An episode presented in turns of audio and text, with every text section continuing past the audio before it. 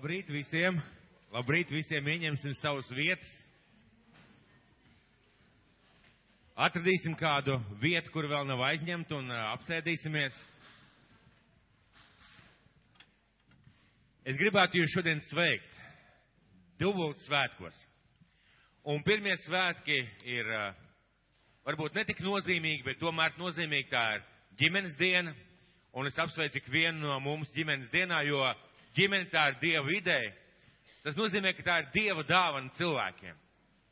Vīrs, sieva, bērni, vecāki, tā ir Dieva dāvana cilvēkiem. Un uh, es gribētu jūs visus sveikt šajā skaistajā, brīnišķīgajā dienā.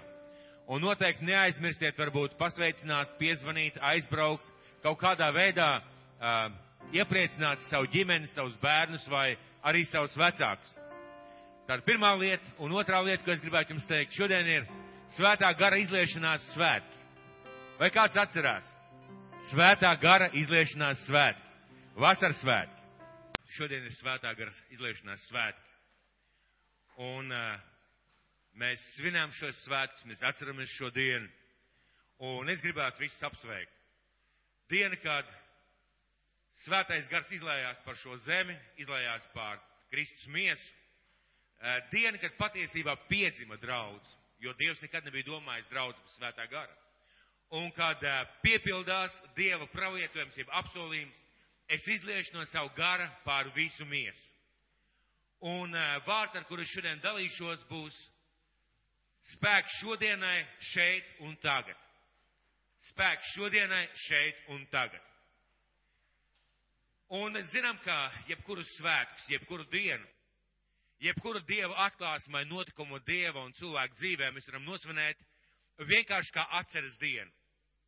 Vienkārši kā atceras dienu, kad mēs atceramies, mēs pieminām, mēs atceramies to, bet uh, tie nav svētki, kurus mēs šodien svinam. Tie nav statistiski, statiski svētki.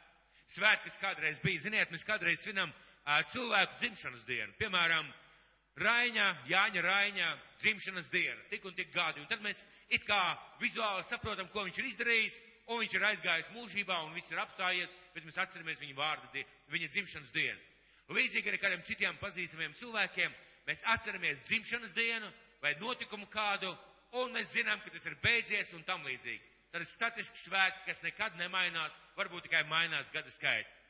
Bet tie nav svētki, tie nav svētki ar nosaukumu reiz bija, jeb kādreiz bija jeb reiz kādreiz notika. Vasaras svētki nav svētki ar nosaukumu reiz bija. Nē, vasaras svētki ir svētki, kas atgādina un apliecina tev un man ir dots Dieva spēks mūsu dzīvē. Ir dots Dieva spēks mūsu dzīvē. Kas svētais dots katram draudz Kristus loceklim, kurš uh, meklē Dievu, kurš piedzīvo Dievu, kurš vēlās Dievu iepazīt. Un pasauli to nevar dabūt. Pasaules svēto garu nevar dabūt un ka svētais gars ir spēks no augšienes pāri pār cilvēcisko, pāri pār dabisko. Ka svētais gars ir kā personība, kas palīdz mums kristiešiem sekot Kristum, paklausīt Dievam, saprast Dievu, izprast Dievu no iekšpuses un būt lieciniekiem pārdabiskā veidā. Būt lieciniekiem pārdabiskā veidā. Un, kad mēs lasām Bībeli, tad mēs ieraugam, ka Bībelē ir divi termini par Dievu iepazīšanu ir tāds grieķiskais sapratnes uh, vārds, ko sauc pazīt Dievu. Tas nozīmē, ka it kā no ārpus zināt par Dievu. Zināt par Dievu, informāciju par Dievu, uh, sapratni par Dievu kaut kādu. Bet ir pavisam cita nozīme vārdiem, ko Jēzus lieto, ka viņš saka, tā ir mūžīgā dzīvība, ka viņi pazīst tevi, vienīgo patieso Dievu un to, ko tu esi sūtījis. Un šis vārds sevi ietver domu pazīt no iekšienes pazīt no iekšienes, saprast Dievu no iekšienes, izdzīvot Dievu no iekšienes. Un svētais gars ir šī personība, kas mums palīdz Dievu it kā ieraudzīt no iekšienes. Un uh, bieži vien mēs domājam, ka tas ir spēks tikai brīnumiem. Tikai brīnumiem, uh, zīmēm, nezinu, pārdeviskām lietām. Jā, arī. Bet ziniet, ko es gribētu teikt? Tas ir spēks priecāties, kad mācītājs nopērk jaunu mašīnu. Tas ir spēks priecāties par to, ka sveša draudz vai cita draudz aug. Tas ir spēks piedot, kad liekas nav iespējams. negribās un tu nevari piedot, un tomēr tu spēj. Tas ir spēks darīt, kad negribās darīt. Darīt, kad negribās darīt, kad tev liekas, lai kāds cits to dara. Un svētā gara spēks ir ziedot, kad pašam ir maz. Liecināt, ka liekas, ka tev nav ko teikt, un kāpot, kad ir grūti, un kad liekas, ka tev nav spēka. Un būt pateicīgam, kad liekas, nav par ko. Tas ir spēks mūsu dzīvē. Svētais gars ir spēks mūsu dzīvē, dzīvot Dievam patīkamu dzīvi un būt par liecinieku Dieva darbiem un darīt Dieva darbus šajā pasaulē savā dzīvē. Tas ir spēks visām šīm lietām un daudzām, daudzām, daudzām. Un mēs jau četrus dievkalpojumus runājam par svētā gara darbu un darbību mūsu dzīvē. Un pēdējo reizi, pēdējā pagājušajā svētdienā, mēs runājam par svētā gara dāvanām. Es priecājos par tiem cilvēkiem, kur aizgāja un paprasīja, lai viņiem nokopē tās lapas. Un ja vēl kāds gribētu dzirdēt par svētā gara dāvanām, man ir fantastiska, lieliska grāmata, kur aprakstīts katra svētā gara dāvana, aprakstīts, kā viņai palīdzēt augt, kā viņa izpaužās, kur ir bībelē tās vietas un kādas ir bīstamības šajās dāvanās. Un es priecājos par katru cilvēku, kurš tiešām bija ieinteresēts saprast un izprast varbūt to, kāda tad dāvana viņam varētu būt. Un šodien mēs svinam un atceramies arī to, ka svētais gars dots visiem visiem kristiešiem, bet ka ir jālūdz, jāmeklē un jāilgojas pēc viņa. Un pēc tam nepārtraukti ir jāatjaunojas. Ziniet, jums varbūt vislieliskākās attiecības kāzu dienā, un vakar mēs svinējām kāzu.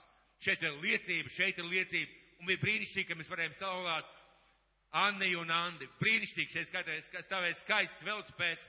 Es ceru kādreiz ar viņu izbraukt, bet šīs labās, brīnišķīgās attiecības kāzu dienā, kas ir, viņas var sabojāties, viņas var izplēnēt, un mums ir vajadzīgs visu laiku strādāt pie tā, lai būtu šīs attiecības. Un ļoti līdzīgi ir ar svēto garu. Līdzīgi ir ar Dievu. Tas nav statisks lielums. Es paņēmu Dievu, sapakoju kastītē, ieliku kabatā, un tagad man viss ir. Nē, ar svēto garu un Dievu tā nav. Mums ir jāatjaunojas un jāpiepildas ar Dievu. Un šie svētki ir svētki par godu tam, ka Dievs joprojām darbojas, ka svētais gars darbojas un šie svētki nav svētki ar nosaukumu reiz bija vai kādreiz sensenos laikos. Un sāksim mēs ar vietu no apstoļu darbiem, ko mēs jau vairākas svētdienas lasam.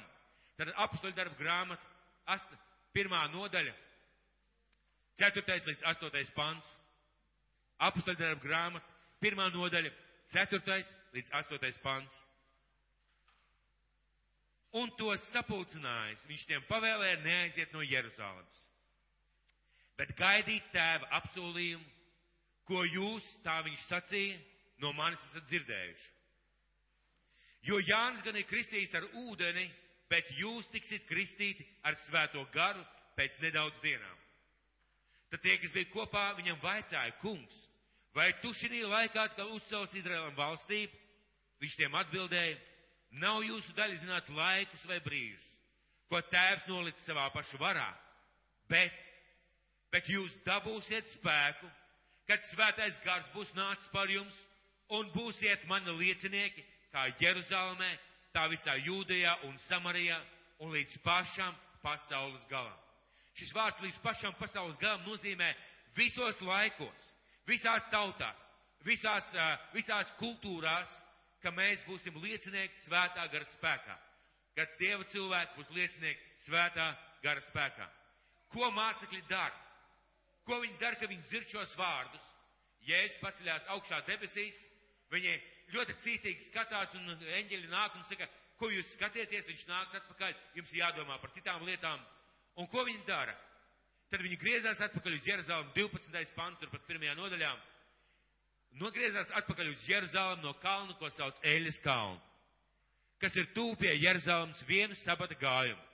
Un tur nonākšu viņi uzkāpa augšstabā, kur mēdza uzturēties Pēteris un Jānis, Jēkabs, Andrejs, Filips un Toms, Bartolomejs un Matejs, Jēkabs, Alfēdāls un Zelots Sīmons un Jūda Jēkaba dēls. Tie visi vienprātīgi palika kopā lūkšanās līdz ar sievietēm un Mariju, Jēzus māti un ar viņa brāļiem.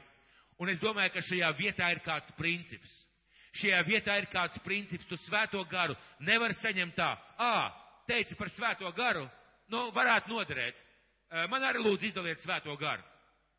Nē, šajā vietā, es domāju, ir princips lūdza un meklēja un gaidīja, ilgojās pēc tā. Lūdzu, meklēja un gaidīja, ilgojās pēc tā, un es domāju, ka šis princips arī mūsu dienās. Lai saņemtu svēto garu, ir jātic viņam, jātic, ka viņš ir, jālūdz, jāmeklē viņš savā dzīvē. Un kas notiek tālāk? Tā ir tā diena, ko mēs šodien svinam.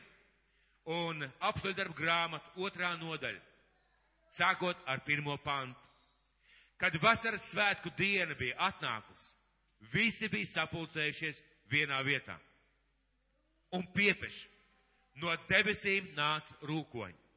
It kā stiprs vējš pūstu un piepildīja visu nāmu, kur tie sēdēja. Un viņiem parādījās it kā uguns mēls, kas sadalījās un nolaidās uz ikvienu no tiem. Un visi tika piepildīti ar svēto garu un sāk runāt citās mēlēs, kā gars tiem deva izrunāt. Bet Jeruzalemē dzīvo jūdi, dievbīgi vīri no visādām tautām zem debes. Kad šī balss atskanēja, ļaužu pulks sanāca kopā un izbijās, jo ik viens tos dzirdēja runājumu savā valodā. Tie sabijās un brīnīdamies sacīja, vai visi šie, kas runā, nav galilieši? Kā tad mēs, ik viens dzirdam savu dzimto valodu? Partieši, mēdieši, ēlēmieši, un kas dzīvoja Mezopotānijā, Jūdijā un Kapadoķijā, Pontā un Āzijā, Frīģijā un Pamfīlijā, Ēģiptē un Lībijas novados uz Kirēnas pusi, un šeit dzīvo apmetušies romieši, jūdi un proselīti. Krētieši un arābi, mēs dzirdam tos mūsu pašu valodās Dieva lielos darbus paužam. Un izbijušies un neziņā būdami, tie visi citam jautāja, kas tas ir. Bet citi zobojās un sacīja, tie salda vīna pilni. Bet Pēters nostājies ar tiem 11, iesāk runāt un tiem sacīja: Jūs jūdi un visi, kas Jeruzalemē dzīvoja, lai tas jums ir zināms un iegaumējiet manus vārdus. Šie nav piedzērušies, kā jums šķiet, jo ir tikai dienas trešā stunda. Bet te piepildās praviešu joja vārdu. Tas notiks pēdējās dienās, saka Dievs. Es izliešu no savu garu pār visu miesu, un jūsu dēli un jūsu meitas pravietos. Jūsu jaunekļi redzēs parādības, un jūsu sirmgalvis sapņos sapņus. Un arī par saviem kalpiem un savām kalponēm es tanīs dienās izliešu no sava gara, un tie sludinās praviešu mēlēm. Un tie sludinās praviešu mēlēm. Notiek kaut kas neparasts. Notiek kaut kas tāds, ko viņi īsti nav gaidījuši. Un es, man ir pārliecība, ka viņi īsti nezināja, kāda būs svētā gara izpausme. Jo viņi noteikti meklēja rakstos un rakstos, vecajā derībā viņi atrada, ka šie cilvēki, kas bija svētā gara vadīti, viņi pravietoja, viņi darīja zīmes, viņi bija ļoti spēcīgi, viņiem bija ķēniņu svaidījums, praviešu svaidījums, dažādas lietas, un es domāju, ka viņi meklēja. Un kas notiek? Pēkšņi atskan skaņa kā rūkoņi, kas piepilda telpu. Parādās uguns mēls, kas nolaižās no, uz ikvienu no viņiem, un trešā lieta viņi sāk runāt mēlēs, kā gars tiem deva izrunāt. Un viņi runā mēlēs, kas ir zināmas un saprotamas apmēram 17, valst, 17 tautību un valodu grupām. Un mēs vasaras svētku draudz to saucam par pirmo starpkonfesionālo starptautisko vasaras svētku konferenci kurā tiks sludināts par svēto garu. Tā kā, lai kā nebūtu, mēs esam pirmie, pirmie kuri uzsāk savu kalpošanu. Un uh, Pēters pieceļās un sāk sludināt. Kas notiek? Es gribētu pievērst jūsu uzmanību tam, kas notiek tālāk. Pirmām kārtām, kas notiek ar pašiem mācekļiem? Kas notiek ar tiem, kuri gaidīja svēto garu? Mācekļi pilnīgi tiek izmainīti. Bet Pēters nostājas ar tiem 11, iesāk runāt un tiem sacīja. Mācekļi pilnīgā tiek izmainīti. Viņos ir vērojama, redzama, pārsteidzoša drosme, dedzība, drosme, dedzība un pārliecība. Ja pirms tam viņi slaptījās, pirms tam viņi bija ieslēgšies augšstabā, ja pirms tam viņi kaut kur pulcējās savā čupiņā, jo Jēzus bija cēlējis augšā, Ja Jēzus bija kopā ar viņiem, bet mēs neredzam, ka viņi būtu gājuši un sludinājuši vai liecinājuši citiem cilvēkiem. Viņi gaida Jeruzalemē un pēkšņi izmainās, un man patīk domāt. Man kā cilvēkam patīk domāt, es nezinu, un eh, teologi strīdās, kur tas notika. Salmana ailē, tas ir templē, tur starp kolonām tāda rinda, kolonāžu rinda. Vai tas notika augšstabā vai uz ielas vai kādā citā vietā. Bet man patīk domāt, ka, lai 3000 vai vairāk cilvēku uzrunātu, vai kaut kur pakāpties. Un man patīk domāt, ka Pāvils pakāpās uz kāda trauka, uz maz kāda mazgājumā trauka vai ziedojuma, bez kādas kolonas pamata un sāk runāt. Un sāk runāt, un sāk liecināt, un sāk teikt. Un kas, ko viņš saka? Man personīgi ir ārkārtīgi svarīgi saprast, kā svētais gars vada šo pirmo sprediķu par Jēzu Kristu. Kā tiek vadīts šis sprediķis. Un mēs atšķirsim 22. pantu, otrā nodaļa, 22. pants. Vēsts ir pilnīgā izmainīta. Un ziniet, kā skan šī vēsts? Ja pirms tam, ja pirms tam ebrejiem vecajā darībā ticīgiem cilvēkiem tik teikts, ziniet, debesīs ir Dievs. Jehova Jahve, lielais un varenais, spēcīgais, mūžīgais. Viņš valda, viņš ir radītājs, viņš ir visa veidotājs, mums ir jākalpo, jāmīl un jāsaka viņam jāpaklausa. Un lūk, likumi, bora, tora, bauslība, ziedojumi. Tad šī vēsts pilnībā mainās. Un kā tad viņa mainās? Šī vēsts mainās ar, uz vārdiem, uz vēsti. Tas ir viņš. Tas ir viņš. Viņš ir Dieva dēls. Un lūk, ko Pēters saka. 22. pants. Izraelieši. Uzklausiet šos vārdus. Nāciet Jēzu šo vīru. Dievs jūs priekšā apliecinājis ar vareniem darbiem, brīnumiem un zīmēm, ko Dievs darīs caur viņu jūsu vidū, kā jūs paši zināt. To Dievs pēc sava lēmuma un paredz nodevis, un jūs viņu ar noziedznieku rokām esat piekauši pie krusta un nonāvējuši. Viņu Dievs ir uzmodinājis nāvis sāpes raisīdams, jo nevarēja būt, ka tā viņu paturētu savā varā. Tālāk 32. pāns un 33.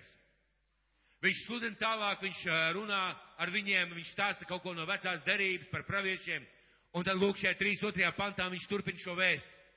Šo Jēzu Dievs ir uzmodinājis. Tam mēs visi esam liecinieki. Dieva labās rokas paaugstināts un no tēva dabūjis svētā gara apsolījumu. Viņš izlējas to, ko jūs tagad redzat un dzirdat. Viņš izlējas to, ko jūs tagad redzat un dzirdat.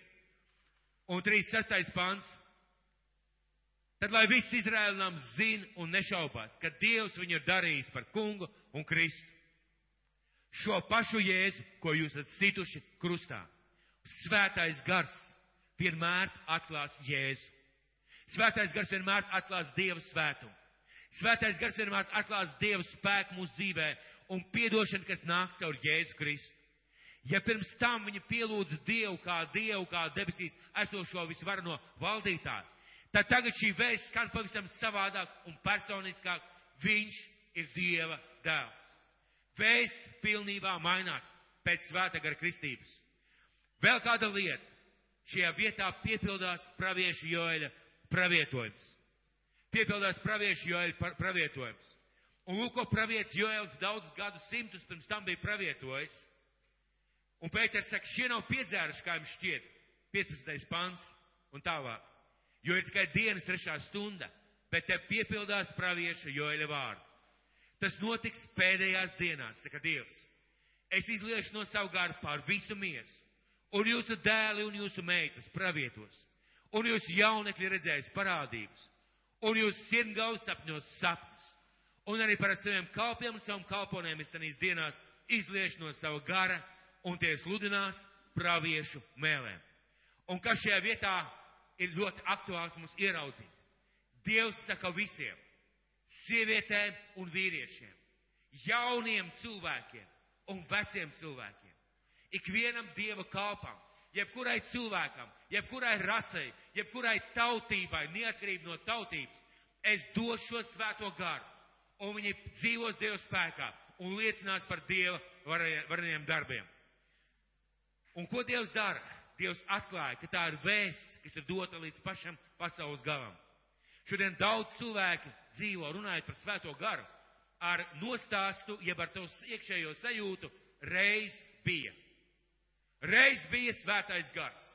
Reiz izlējās svētais gars. Un ja viņš šodien būtu kādās citās draudzēs, lai Dievs svētītu vienu draudz un vērt pie dzīves ticības, jūs dzirdētu toreiz tajās tālajās dienās, svētais gars izlējās, un mēs atceramies viņa nākšanu uz šo zemi. Un netiek runāts tālāk par to, ka šis spēks dots mums, lai mēs dzīvotu šajā spēkā. Un vēsts, ko Pēters tālāk saka, ka šis spēks ir dots tev un man. Jebkuram, un es tagad varētu saukt jebkuru no jūsu vārdu, un arī savu vārdu, protams. Jo 37. 39. pants, šie vārdi sāpīgi ķēra viņu sirds. Un tie sacīja uz Pēteri un citiem apustuļiem, brāļi, ko lai mēs darām? Bet Pēters tiem atbildēja, atgriezieties no grēkiem, liecieties kristīties, ik viens Jēzus Kristus vārdā, lai jūs dabūtu grēku piedošanu un saņemtu svētā gara dāvanu. Jo šis solījums dots jums un jūsu bērniem un visiem, kas vēl tālu, ko tas kungs mūsu dievs pieaicinās. Un vēl ar daudz citiem vārdiem viņš liecināja un tos pamācīja sacīdams, izglābieties no šīs samaitātās cilts. Un ko šeit Pēters saka? Jo šis solījums dots jums un jūsu bērniem un visiem, kas vēl ir tālu, ko tas kungs mūsu dievs pieaicinās. Ka ir iespēja atgriezties no grēkiem, ka ir iespēja izmainīt savu dzīvi, ka ir iespēja saņemt piedošanu, ka ir iespēja un vajadzība kristīties un ir iespēja un vajadzība piedzīvot svētā gara kristību. Un Pēters saka, šis solījums dots jums un jūsu bērniem un tiem, ko tas kungs pieaicinās. Un mēs visi esam tā kunga pieaicināti. Tas nozīmē, ka manā un tavā dzīvē ir šis apsolījums par svētā gara spēku. Un šeit, es, kā jau es teicu, neiet runa par to, ka mēs domājam tikai par brīnumiem, par zīmēm. Cik vajag Dieva spēka piedot kādam, kas tev ir ļoti nodarījis pāri? Cik vajag Dieva spēka darīt Dieva darbu tad, kad tev nav spēka? Cik vajag Dieva spēku ziedot, uzticēties Dievam, kad liekas, ka pašam nepietiks? Cik vajag Dieva spēka mīlēt to, kas tevi novāc? Tur ir vajadzīgs Dieva svētā gara spēks. Tur ir vajadzīgs šis spēks. Un šis spēks ir dots gan mūsu dzīvē, gan mūsu kalpošanai pārdabiskā veidā. Un kāds ir šis rezultāts? Kāds ir šis rezultāts? Padomāsim, kāds ir svētā gara liecības rezultāts. Ja pirms tam šie cilvēki bija atnākuši, lai pielūgtu Dievu visu varu no radītāju un spēcīgo lielo Dievu. Ja pēc tam bija atnākuši vienkārši upurēt templī, tad pēkšņi kas notiek? Pēters viņam saka, ziniet ko, tas laiks ir beidzies. Ir atnests pilnīgs upuris, Jēzus Kristus. Jūs viņu piekalāt pie krusta, un tur bija cilvēki, kas bija klieguši sit viņu krustā. Tur bija cilvēki, cik vajag Dieva pārdabisko brīnumu, lai šie paši cilvēki pēc tam teiktu šos vārdus, šie vārdi sēp, sāpīgi ķēra viņu sirds, un tie sacīja uz Pēteru, uz tiem apstuļiem, brāļi, ko lai mēs darām? Burtiski 50 dienas atpakaļ viņi zināja, ko vajag darīt.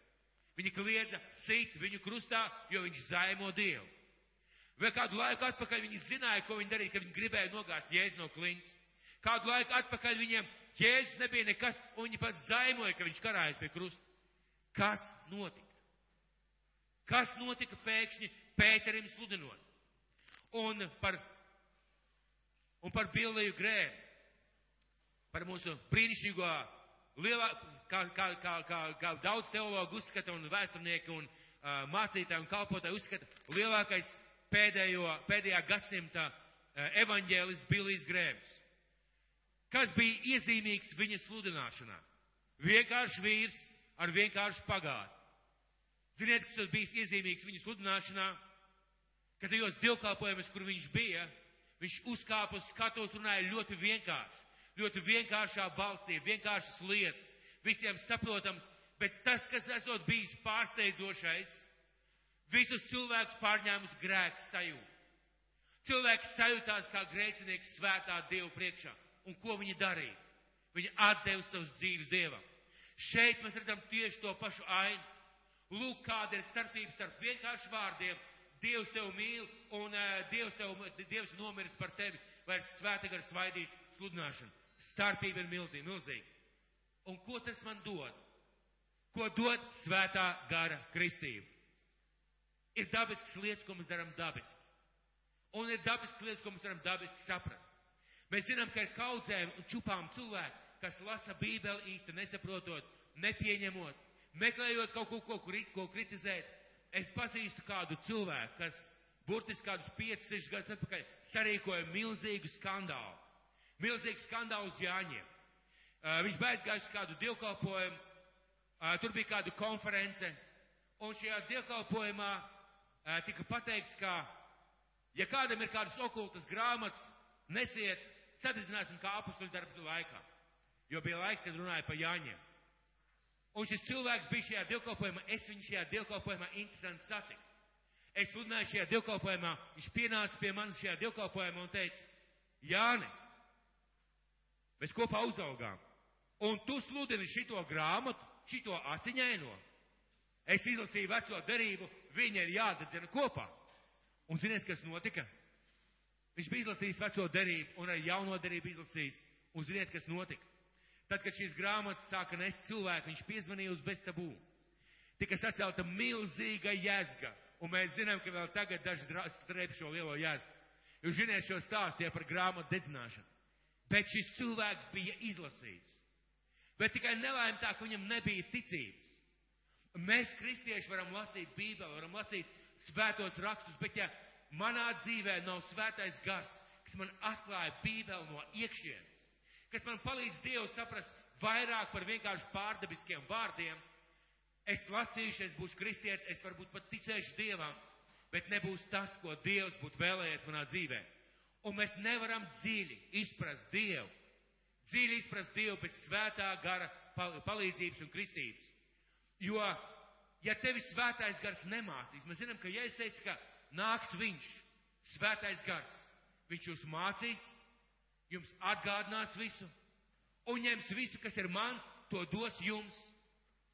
Ja mums, lai saprastu Dievu, nebūtu bijis vajadzīgs svētais gars, ja mums, lai saprastu svētos rakstus, būtu pieticis ar māku lasīt, ja es nekad tā nebūtu teicis, bet viņš teica, nāks viņš, un viņš jums atklās jēzu, palīdzēs saprast Dievu ceļu.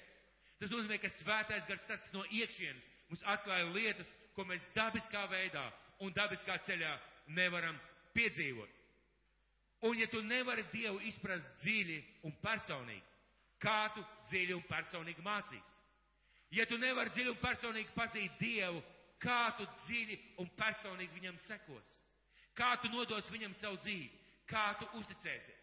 Kā tu staigās pārdabiskajā, ja tu nepazīsti Dievu tu dziļi un no iekšpus? Un svētais gars ir tas, kas mums palīdz to piedzīvot. Un tas, kas pielīdz, palīdz mums tajā staigāt. Un svētā gara kristība mums dod iespēju atklāt it kā Dievu no iekšpuses. Bet es zinu, ka šeit sēž daudz cilvēku, kas ir gājuši auto kursos, pareizi? Mācījušies braukt. Es zinu, ka ir cilvēki, kuri paši piesēžās pie stūras, tēvam mātei nezinot, noķēpi atslēgas un mācās pamazām braukt. O, bet tad ir daudz dažādu problēmu. Mēs zinām, ka mēs zinām, dažādi notikumi notiek. Pareizi. Bet cik viegli ir bra mācīties braukt, kad tu apsēdies pie laba, labsirdīga instruktora blakus mašīnā. Un, kad iekāp pa durvīšu, viņš tev nesaka, kāpēc tik slikti, tik stipri durvis aizcirt.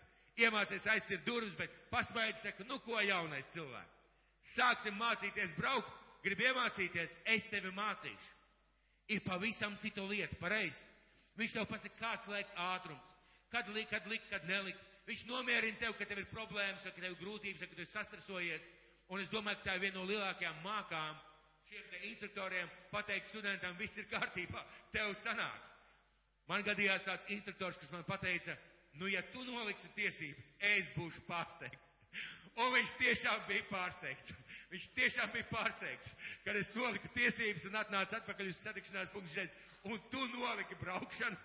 Nu, lai tev gan Dievs stāvēja klāt. Kaut ko tādu viņš apmēram pateica. Bet svētais gars ir kā šis instruktors, kas mūs ved pa Dieva ceļiem, kas mūs māca iepazīt Dievu, kas ved mūsu Dieva dziļumos, kas palīdz mums izprast Dievu no iekšpus. Un tieši tāpēc, ja es teicu, jūs dabūsiet svēto garu, un viņš jūs mācīs, un viņš jūs vadīs. Un Dievs pats to ir pateicis savos svētajos rakstos. Pirmā vēstule korintiešiem, otrā nodaļa.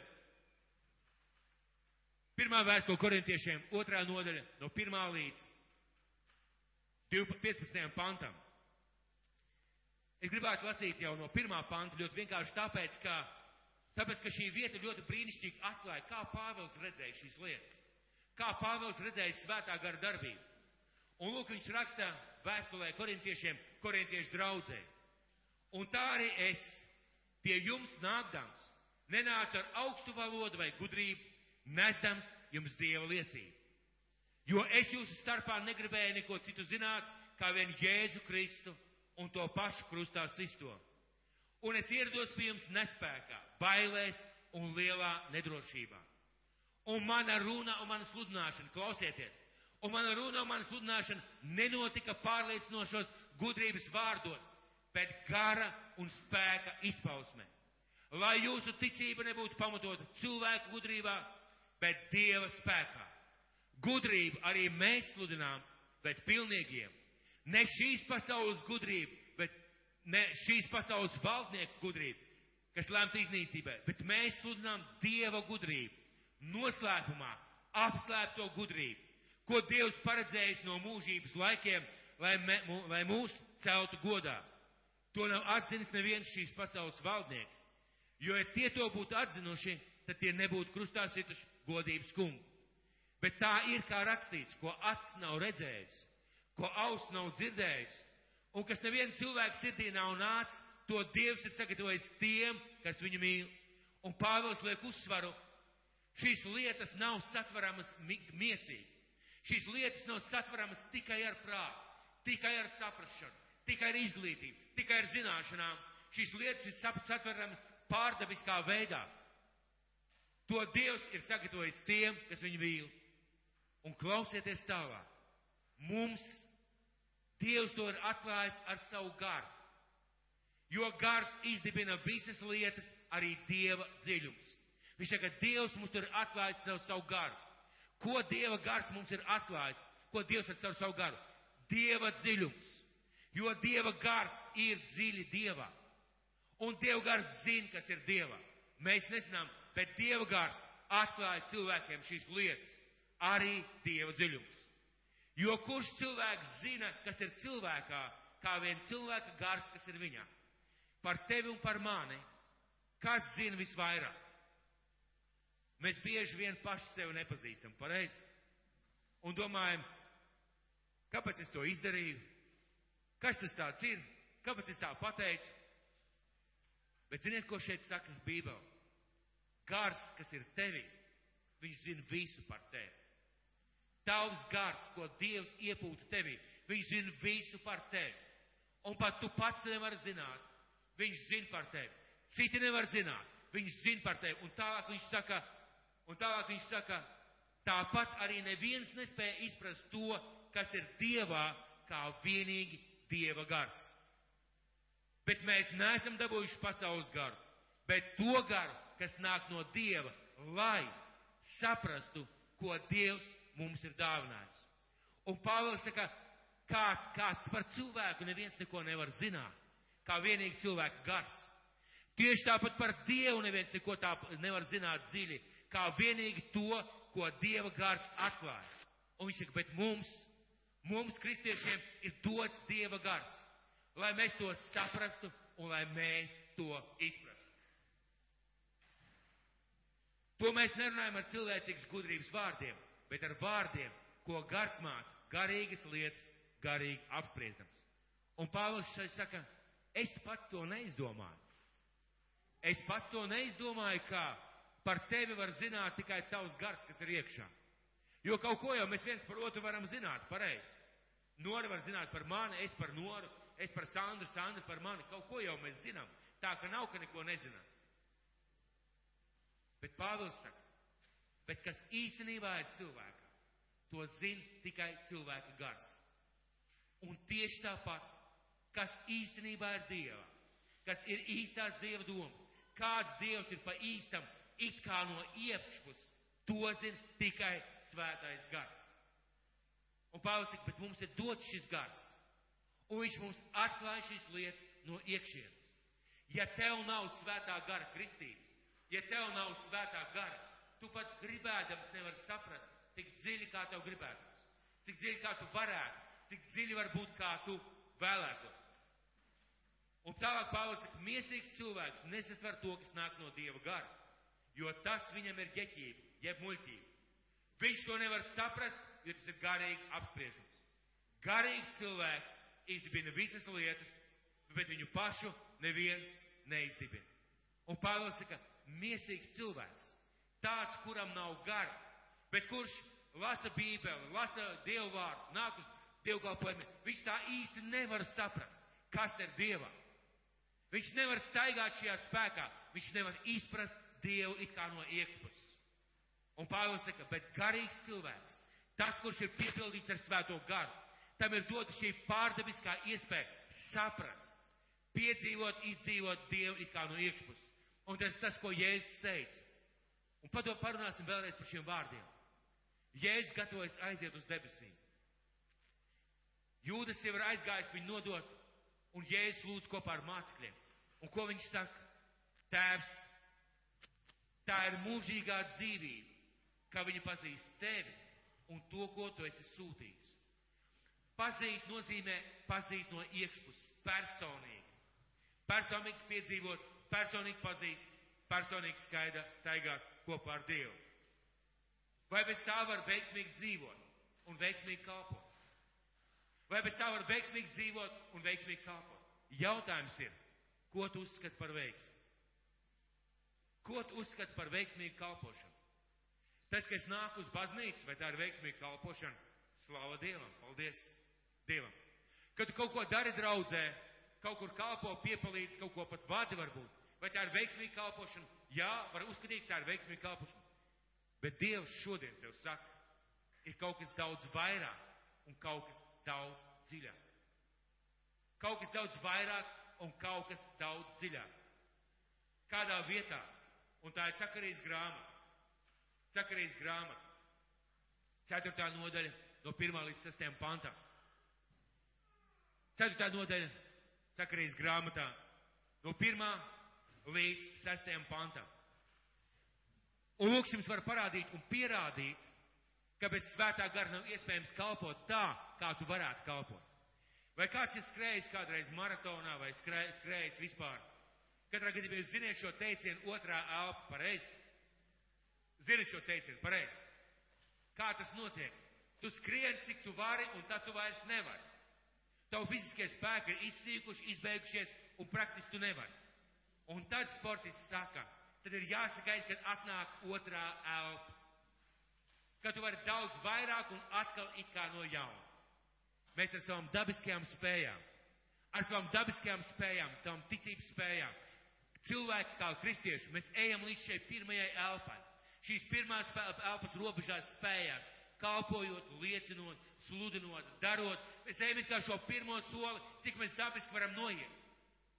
Bet Dievs saka, ja tev nav šīs otrās elpas, ja viņa neatnāk tavā dzīvē, svētais gars, tu nekad nepiedzīvoši finišu līniju ar tādiem rezultātiem. Tu skriesi kā varēsi, bet tu nekad nepiedzīvosi šo finišu līniju ar tādiem rezultātiem, ar kādiem tu varēji pabeigt. Ar kādiem tu varēji pabeigt. Lūk, jums ir atbildi, kāpēc ir tūkstošiem kristiešu pasaulē, kas iet uz baznīcu, labi ticīgi cilvēki, dzīvo dilbīgu dzīvi, bet tā, tā nekad savā dzīvē arī neizlaužās. Neizlaužās uz pārdabiskām lietām. Viņi nekad nevar pateikt, es piedzīvoju Dievu, es satiku Dievu. Viņam nekad nedzimst dziļi un pasauli izmainoši projekti. Viņiem nekad neatnāk jaunas revolucionāras idejas un dziesmas. Viņiem nekad neizdodas pievest cilvēkus pilnīgi neticīgus pie Kristus, jo viņi dzīvo šo dabisko spēju robežās. Un cik viņiem izdodas, cik viņiem izdodas, paldies Dievam par to. Bet Dievs saka, ir kaut kas vairāk. Un šis spēks ir dot, dot šodien, šeit un tagad. Mīļie, mums ar jums nebūs otras dzīves. Mums ar, jums, ar, mums ar jums nav ģenerāla mēģinājuma mūsu dzīvē. Mums ir viena dzīve, kurā mums vajag piedzīvot svēto garu un iet kopā ar svēto garu. Kalpojiet tā, kā Dievs mūs aicina. Un sakarīs grāmata, 4. nodaļa, no 1. līdz 6. pantam. Un eņģelis ar mani runāja, atgriezies atkal un modināja mani, kā modina cilvēku no miega. Un jautāja man, ko tu redzi? Šajā mirklī iet runa par to, ka Dievs pārdabiski, pārdabiski pravietim sakariem atklāja šīs garīgās lietas par svēto garu. Pārdabiski atklāja garīgās lietas par svēto garu. Un šis pravietis, viņam tiek jautāts, eņģelis viņam jautā, ko tu redzi? Un es atbildēju, es redzu tur spulčturi no tīra zelta ar ieliektu eļas tvertni virsgalā. Spulčturim ir septiņas atsevišķas spuldzes, un tām kopā septiņas ar tvertni saistīts eļas pievada caurulis. Ko viņš redzēja? Mums kādreiz šeit priekšā stāv un stāvēja, ziniet, tāds svečturs ar septiņiem, septiņām daktīm, jā, septiņām vietām, kur ieliekts spuldzīts. Dabā šis svečturs ir daudz savādāks, un viņš redz tādu svečturi, bet svečturim pa vidu ir ieliekta eļas tverta. Ieliekta eļas tverta. No šīs eļas tvertas nāk šie te stobriņi, jeb šīs te trubiņas uz eļas lampiņām. Un šīs lampiņas deg, pateicoties tam, ka tā eļa plūst caur šiem stariem, caur šiem, šīm kājām uz eļas šiem te spulcītēm. Šis lukturs deg tikai tāpēc, ka eļa plūst uz šīm, uz šīm lampiņām. Vai spējat iedomāties? Es ceru, ka spējat. Un viņš redz šādu skatu. Un tad viņš redz vēl kādu lietu. Un divi eļas koki līdzās, viens pa labo, otrs pa kreiso roku no spulkštura. Un es turpināju jautāju eņģelim, kas ar mani runāja, mans kungs, kāda tam visam nozīme? Tad eņģelis, kas ar mani runāja, deva man šādu atbildi. Tātad tu ne, tiešām nezini, kāda tam nozīme? Es savukārt atteicu, nē, mans kungs.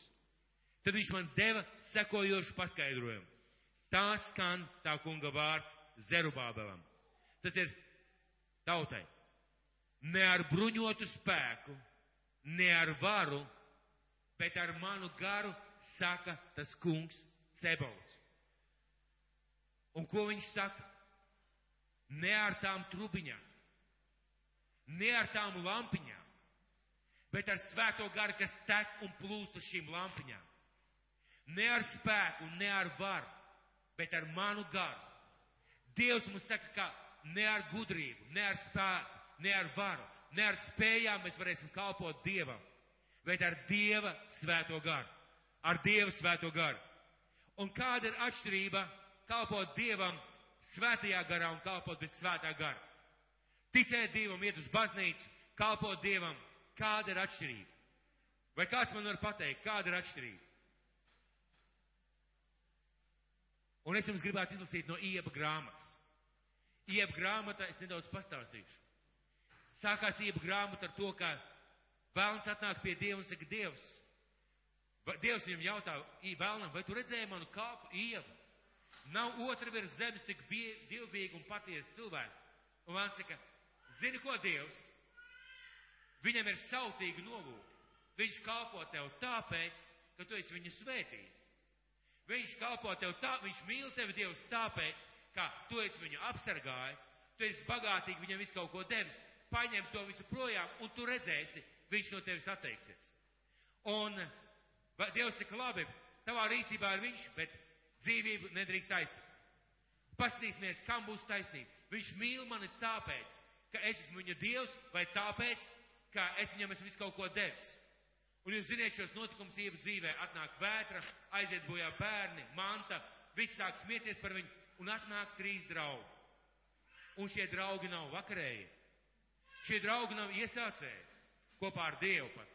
Viņi nav pirmās dienas kristieši. Viņi ir senie, tā varētu teikt, ticīgi cilvēki. Un viņi sāk sarunu ar Ievu. Un tas, ko viņi saka, Ievu, tu nesaproti. Ja tavā dzīvē kaut kas tāds notiek, tu esi grēkā. Tu esi grēcinieks. Loģiski, dabiski saprotams secinājums. Un viņi cenšas tā viņu pārliecināt. Cenšas pārliecināt, runā, runā, runā un saprot, ka ilgi ievas atspēko, beigās viņam pietrūkst vārdu pret ieva ietvērtību. Patiesībā ievas saka, nē, es neesmu grēkojis. Es neko neapzinos. Dievs nāca un parāda un atklāja man, kas ir īstais iemesls kāpēc es šeit tagad ciešu. Un visam tam pa vidu visām šīm sarunām par vidu ir kāds jauns cilvēks. Jauns cilvēks. Bet acīm redzot, viņā ir tas, par ko mēs šodien runājam. Šiem trīs vīriem ir kristīga pieredze, pieredze ar Dievu, zināšanas, sapratne, loģiskā domāšana, fizisks spēks, izpratne par lietām, kā jau tādiem piedzīvojušiem cilvēkiem. Šim jaunajam cilvēkam tā nav. Bet viņam ir kaut kas tas, par ko mēs šodien runājam. Šī svētā gara klātbūtne. Un skatieties, kā risinās tālāk notikumi. Un ka šie trīs vīri, 32. nodaļa ieva grāmatā, un ka šie trīs vīri mitējās atbildēt ieva jautājumā par to, ka viņš pats atzina sevi par taisnu, tad iedegās Elifus, Beretskēla dēls no būzes, dusmās pret ievu, jo viņš pats bija ievērojamās rāmu cilts. Viņas dusmu iemesls bija tas, ka Iebs bija apgalvojis sevi Dievu priekšā taisnu esam. Jā, pat taisnīgāku par Dievu. Un arī pret Iebu trim draugiem viņš savā dusmu kvēlē bija ļāvis vaļu. Tāpēc, ka tie nebija atraduši pareizo atbildi, lai Iebu pierādītu par vainīgu, un tomēr viņi par tādu atzinuši. Tātad Iebs ir izsmēlis visus cilvēciskos resursus, atspēkojot sevi, un paziņojis, ka viņš ir taisnīgāks par Dievu. Viņa draugi ir izsmēluši visus argumentus, lai pateiktu, Iep, tu esi grēcinieks. Un Ieps nav piekritis, un viņi vienalga saka, tu esi grēcinieks, mēs nevaram pierādīt, bet tu esi grēcinieks. Spēks, vara, zināšanas. Lūk, studēt tālāk. Elhus tomēr savu pretiebildumu ieba, iebam bija nogaidījis, jo visi agrākie runātāji bija mūžgados vecāki nekā viņš. Taču, kad Elihus redzēja, ka šo trīs vīru mutēs nebija vairs nekāda pretiebilduma, tad viņš iekaisa savās dusmās. Un Elihus Beretskēla dēls no būzes palūdz atļauju runāt un sacīja, es esmu gados jauns, bet jūs esat sirmgalvi. Tāpēc es sevī sadugu un baidījos jūs ietekmēt ar savām atziņām. Es domāju, lai runā lielie mūža gadi, jo tie, kam ir liels vecums, ir gudrības zinātāji. Tātad spēks, gudrība, izglītība, pieredze. Es domāju, lai runā lielie mūža gadi, jo tie, kam ir liels vecums, ir gudrības zinātāji. Un lūk, viņš pasaka atslēgu. Atslēgu atšķirībai starp gudrību, zināšanām, pieredzi, izpratni un spēku. Un svētā gara piepildīt un vadīt cilvēku. Bet, astotais pants, īstenībā tas ir tikai gars cilvēkā. Tā ir tikai visu varenā elpa, kas viņam piešķir atziņas un ieskatus. Nevienmēr tie, kam daudz gadu ir apveltīti ar gudrību. Ne jau vecie vien zina, kas ir tiesa un taisnība. Tādēļ es nospriedu, veltiet man uzmanību, jo arī es gribu ar jums dalīties savās zināšanās. Un es gribētu pāriet uz 17. pantu. Nē, arī es gribētu piebilst savu daļu, atbildot, arī es gribu parādīt savas zināšanas, jo es sajūtu sevī vārdu pārpilnību. Gars manās iekšās, iekšējā pasaulē žņaudz mani un mudina mani runāt. Redzi, manas krūts ir kā jauns vīns, kas vēl nav ticis atvērts. Tās draud pārplīst kā jauni ādas trauki. Runāt man gribas, lai es savu gūtu atveldzi, es atvēršu savus lūpas un atbildēšu. Es neuzlūkošu cilvēku vaigu, Es nenostāšos neviena pusē un nerunāšu nevienam pa prātam, jo es nemaz neprotu ar savām runām izpatikt un glaimot, lai mans radītājs man mazu brīdi man neaizraut projām no šejienes. Viņš saka, manī ir kaut kas tāds, kas liek man runāt. Man ir kaut kas tāds, kas laužās ārā. Bet pirms tam viņš pasaka, ka starpība starp cilvēkiem, starp kristiešiem, starp ticīgiem cilvēkiem nav tikai zināšanās nav tikai pieredzē, nav tikai izpratnē. Starpība ir šajā, šajā te visu varenā elpa cilvēkā. Viņš saka, bet īstenībā tas tikai gars cilvēkā. Tā ir visu varenā elpa, kas viņam piešķir atziņas un ieskatus. Lūk, kāda ir starpība.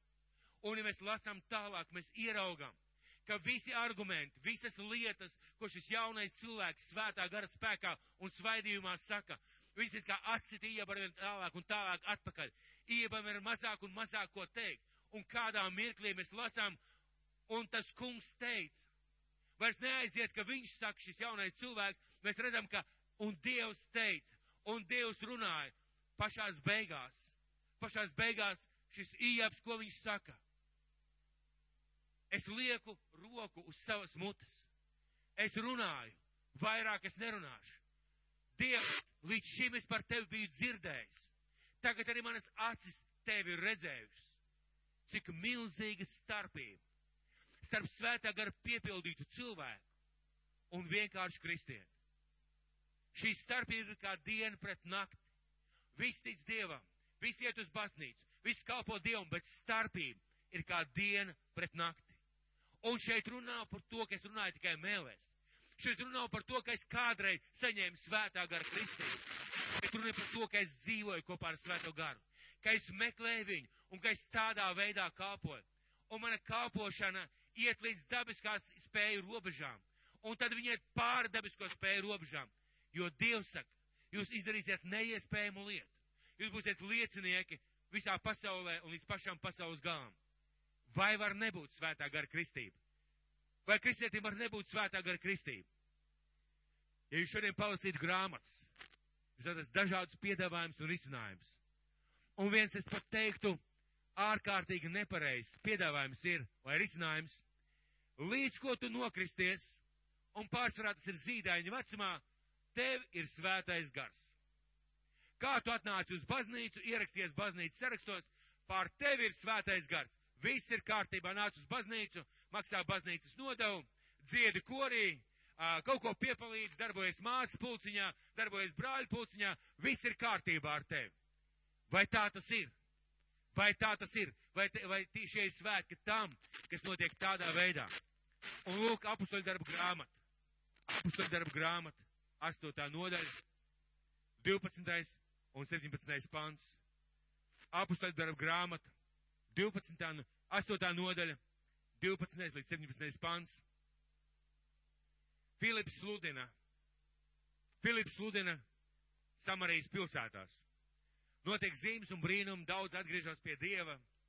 Un 12. pants, kad tie ticēja Filipam, kas tiem sludināja evaņģēliju par Dievu valstību un Jēzus Kristus vārdu, tie, tika, tie lika kristīties vīrieši un sievietes. Sīmans pats arī kļūst ticīgs un kristīts.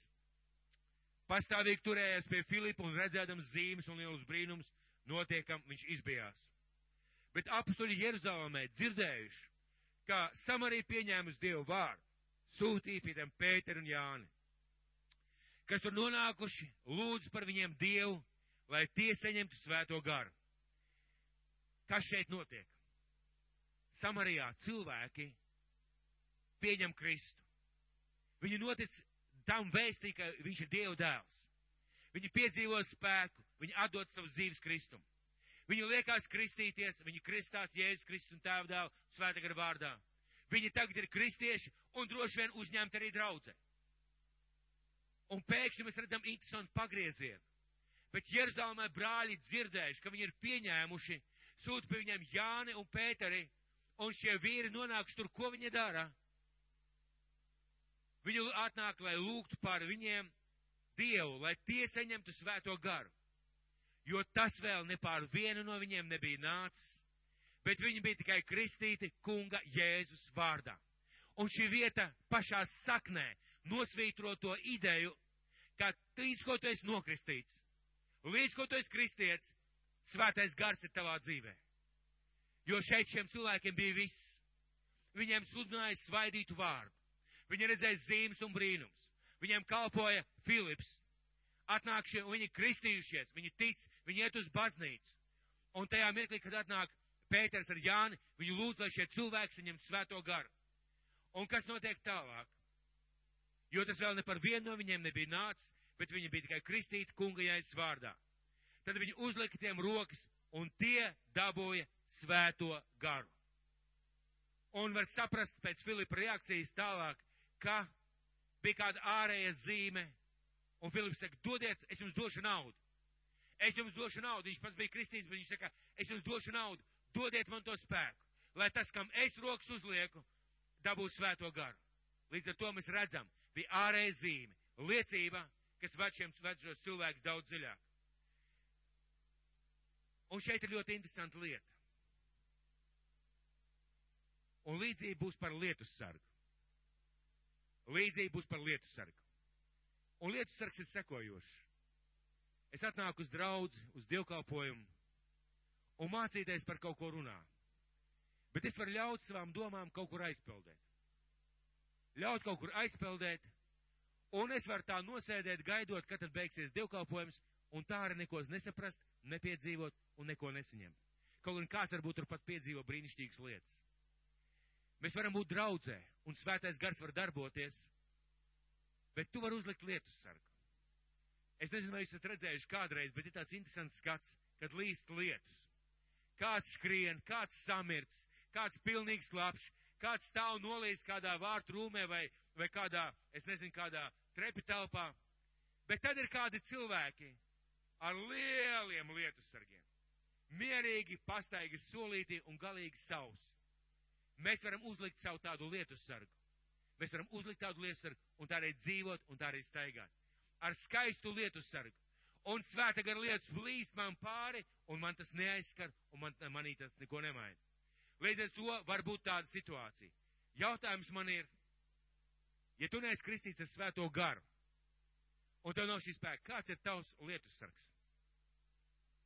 Cik viņš ir liels? Kā tu viņu varētu raksturot? Kāda izskatās jūsu lietu sargi? Padomājiet, māsa rāda lietu sargi. Man vajadzēja palūgt to kā līdzību. Kāds ir tavs lietu sargs, ka tu nepiedzīvo Dievu spēku? Tā ir nepiedošana? Vai tas ir rūgtums? Vai tā ir vēlēšanās palikt ārpus visām lietām, kur kaut kas jādara? Vai tās ir tavas ambīcijas? Vai tā ir tava nevēlēšanās paklausīt? Vai tā ir tava pašapzinība, un es pats jau zinu, kas ir tavs lietusargs, ka svētais gars nevar līdz pār tevi un nevar izmainīt tavu dzīvi. Un kā saņemt? Šeit mēs lasām 15. un 17. pantā, bet apustuļi dzirdējuši, ka Samarija pieņēma Dievu vārdu, sūtīja pie tiem Pēteru un Jāni, kas tur nonākuši lūdzu par viņiem Dievu, lai tiesītu svēto garu. Es nespēju iedomāties, ka šie mācekļi, par kuriem lūdz Dievu, vienkārši sēdēja draudzē, ā, par mani var aizlūgt Dievu, lai saņemtu svēto garu. Nu labi, nebūtu par skādi. Es domāju, ka šie cilvēki meklēja. Es domāju, ka šie cilvēki paši lūdza, ka viņi vēlējās piedzīvot svēto garu. Un tad, kad tu lūdz, tad, kad tu meklē, tad, kad tu sauc pēc svētā gara savā dzīvē, tu viņu piedzīvos, tu viņu redzēsi atnākam tavā dzīvē. Vai tas palīdz man, ka es zinu šais lietas? Vai tas palīdz man, ka es redzu šos piemērus no Bībeles? Varbūt tas bija toreiz un pēc tam, bet kā tas man, ir manā dzīvē? Vai šis spēks ir man dots šodien? Un šo spēku nevar izslēgt un ieslēgt. Šo spēku vajag piedzīvot savā dzīvē. Mums ir vajadzīgs šis Dieva spēks. Un paldies Dievam, ka Viņš jau ir atnācis. Jautājums ir par manu attieksmi, jautājums ir par manām slāpēm, jautājums ir par manu paklausību svētiem garam un staigāšanai kopā ar Dievu. Lai dzīvotu Dievam patīkam dzīvi, lai spētu uzvarēt kārdināšanas un grūtības un grēkus savā dzīvē, lai spētu izprast Dievu no iekšienes un lai spētu kalpot tā, kā Dievs vēlās, lai es kalpoju. Tev un man ir apsolīts šis spēks. Tev un man ir apsolīts šis spēks, un draudzē ir apsolīts šis spēks. Ja tu jau runā mēlēs, ja tu jau esi kristīts svētajā garā, ļoti iespējams, ka tev vajag atjaunoties tajā. Ļoti iespējams, ka šos vasaras svētkus tev vajag teikt, svētais gars, atjaunojies manī. Nāc atkal ar spēku, nāc piepildi mani. Ja man jādomā, kā izvēlēties kā izvēlēties, jeb kādu variantu izvēlēties savā dzīvē, es gribētu teikt tā, un es gribētu ierosināt jums domāt tā. Mums nav varianta. Ir tikai viens variants. Piedzīvot un staigāt svētā gara spēkā.